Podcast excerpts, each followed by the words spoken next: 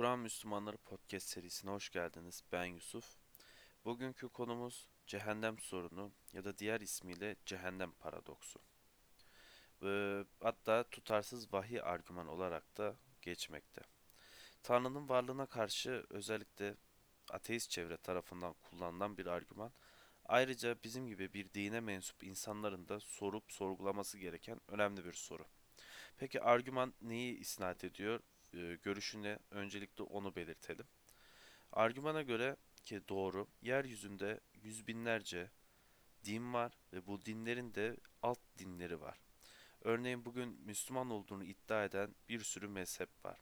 Sünni, Alevi, Şii, hatta Şii de kendi içinde ayrılmış dediğim gibi Anadolu kanadı, Alevilik, Caferilik gibi böl e, grupları var. Aynı grubun içerisinde de birçok grup var. Aynı evde bile bir dini görüş birden farklı şekillerde algılanabiliyor. Aynı şekilde Hristiyanlar da ayrılmış durumlarda. E, Ortodoksu var, Protestanı var, Katoliği var. E, farklı farklı bir sürü bilmediğimiz mezhepleri var. Şimdi cehennem paradoksu da şu soruyu soruyor. Tanrı'ya göre bir tane din doğru ve yeryüzündeki bir tane din Tanrı'nın dini. Ancak o kadar çok din var ki herkes birbirine göre cehennemlik. Yani Müslüman Hristiyana diyor ki sen yanacaksın. Hristiyan Müslümana diyor ki sen yanacaksın. Hindu diyor ki siz e, yanacaksınız. Diğeri diyor ki hayır siz cezalandırılacaksınız. Bir sürü her kafadan bir ses çıkıyor. Ve tabii ki insan da aklına doğal olarak şu soru geliyor. E peki kim cennete gidecek? Çünkü dünya üzerindeki yaşayan bir milyar Müslümanın e, bile grup grup ayrıldığını ve o grupların içerisinde de bir sürü farklı kollara bölündüğünü düşünürsek bunlardan bir kısmı doğru veya yanlış yapıyor olması gerekiyor. Sonuçta Tanrı'nın indirdiği vahiy bir tanedir ve bunlardan e, birisine ya uyarsınız ya uymazsınız. Ee, ve bunu e, öne sürerek e, bunun e, bir paradoks yarattığını öne sürüyorlar ve bu şekilde cennete aslında kimsenin çok çok az bir grup dışında ya da birkaç kişi dışında kimsenin cennete gidemeyeceğini iddia ediyorlar. Fakat yanıldıkları bir konu var. Kur'an bu kadar katı ve sadece şu kişiler cennete gider diye olayı asla kısıtlamıyor. Bunun en büyük ve en keskin örneğini biz Bakara suresinde görüyoruz. Bakara suresi 62 ne diyor? Dilerseniz gelin beraber okuyalım. Rahman ve Rahim olan Allah'ın adıyla. Gerçeği onaylayanlar, Yahudiler, Hristiyanlar ve diğer dinlerden her kim Allah'ı ve ahiret gününü onaylar ve erdemli bir hayat sürdürürse onların ödülleri efendileri katındadır. Onlar için korku ve üzüntü yoktur. Sadakallahu lezim. Burada da görmüş olduğumuz üzere Allah sadece Müslümanlar cennete gidecek demiyor. Gerçeği onaylayanlardan kasıt zaten burada Müslümanlar, Yahudiler, Hristiyanlar ve diğer dinlerden. Şimdi bu diğer dinler kısmı da çok önemli. Bu gelenekçi mealciler tarafından Sabiler şeklinde çevriliyor. Halbuki Sabi yüz çeviren demektir ve Allah bunu Kur'an'ın bir başka bölümünde Muhammed için de kullanıyor. Muhammed kendi dininden yüz çevirdi. Yani eski inancından, İslam'dan önceki inancından yüz çevirdi diyor ve burada da yine Sabi kökü kullanılıyor. Ee, burada diğer kimseler derken yani kitaba yüz çevirmiş, kitap ehli olmayan kişiler kastediliyor. Ancak bu kişiler yine Allah'a inanıyorlar ve e, ahiret günde onaylıyorlar. Hatta Allah Kur'an'da İbrahim için de ne diyor? O ne Yahudiydi ne Hristiyandı. O sadece teslim olmuştu. İşte biz de teslim olanlar olarak sadece e, Müslümanlar ya da Müslümanım diyen insanların cennete gideceğini e, şey e, cennete gideceğini söyleyemeyiz. Çünkü Allah bunun tam tersini söylüyor.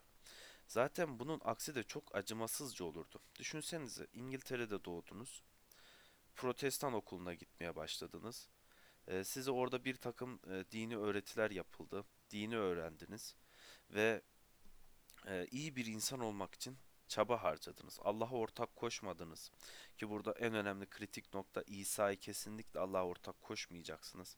Ee, azınlık olsa da Hristiyanlar içerisinde İsa'yı sadece peygamber olarak kabul eden e, bazı gruplar var.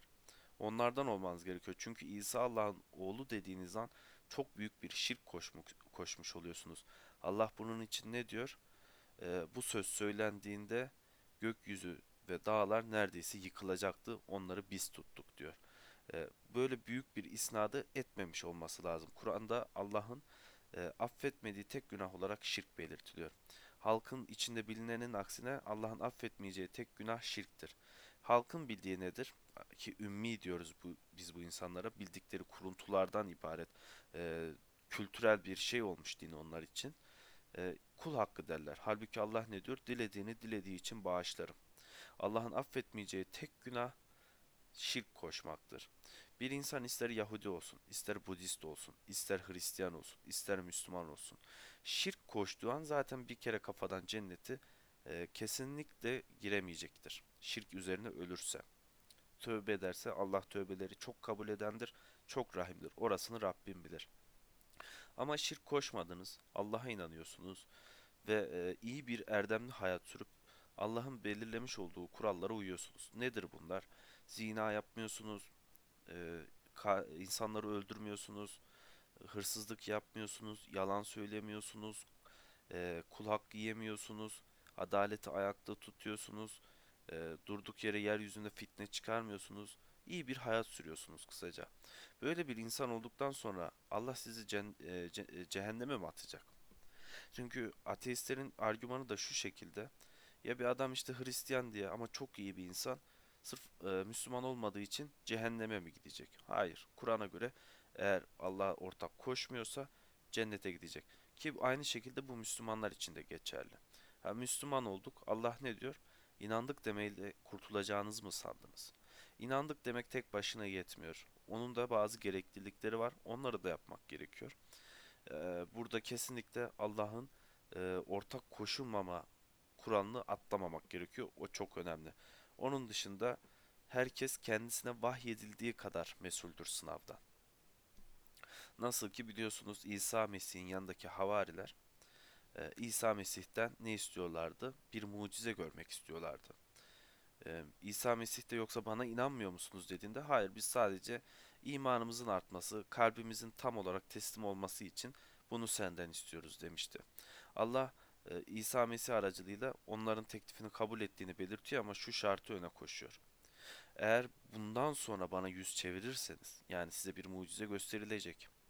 Hala bundan sonra bana yüz çevirir, yani zalimlerden, kafirlerden olursanız, hiçbir insana verilmediğim e, azabı sizlere vereceğim diyor Allah. Yani durduk yere aslında sorumluluklarını yükseltmiş oldular. Çünkü insan kendisine verilen vahiy kadar sorumludur. Bunun bir diğer örneğini biz nerede görüyoruz? To- geçmişte bazı helak edilen toplumlar var biliyorsunuz. Lut, Semud bunlara birer örnek teşkil edebilir. Bunlar da e, Allah nasıl söylüyor?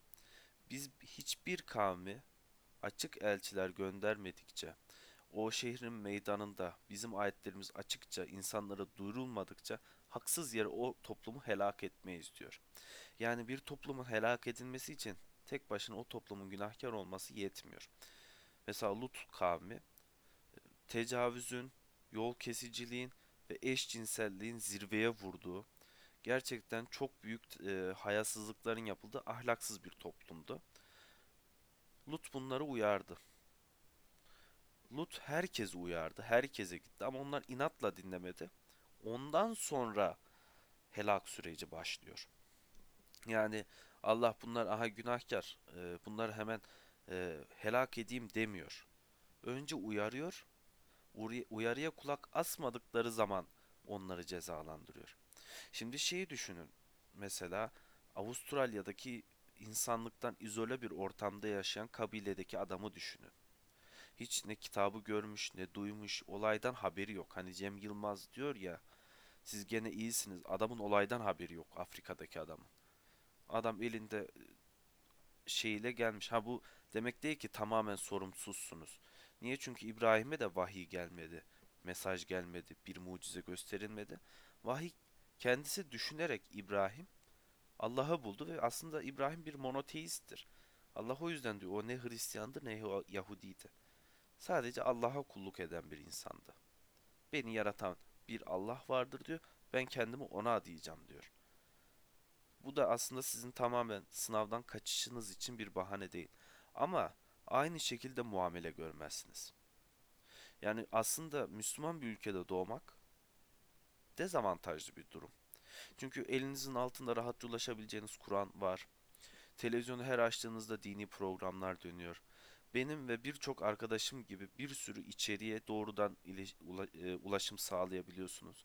Gerçeği bulmak konusunda o Afrika'daki insanlardan çok daha büyük avantajınız var. Ve Allah size verdiği nimetlerin hesabını soracağım diyor. Bu da bir nimettir. Biz buradan Allah'ın kelamlarını size iletmeye çalışıyoruz. Mesajı aktarmaya çalışıyoruz. Bunları dinleyip biraz da araştırmak sizin insanlık göreviniz. Çünkü bu hayata geldim. e, Her şey çok karışık. Bana ne deyip çekilme gibi bir lüksünüz olmaması lazım bence.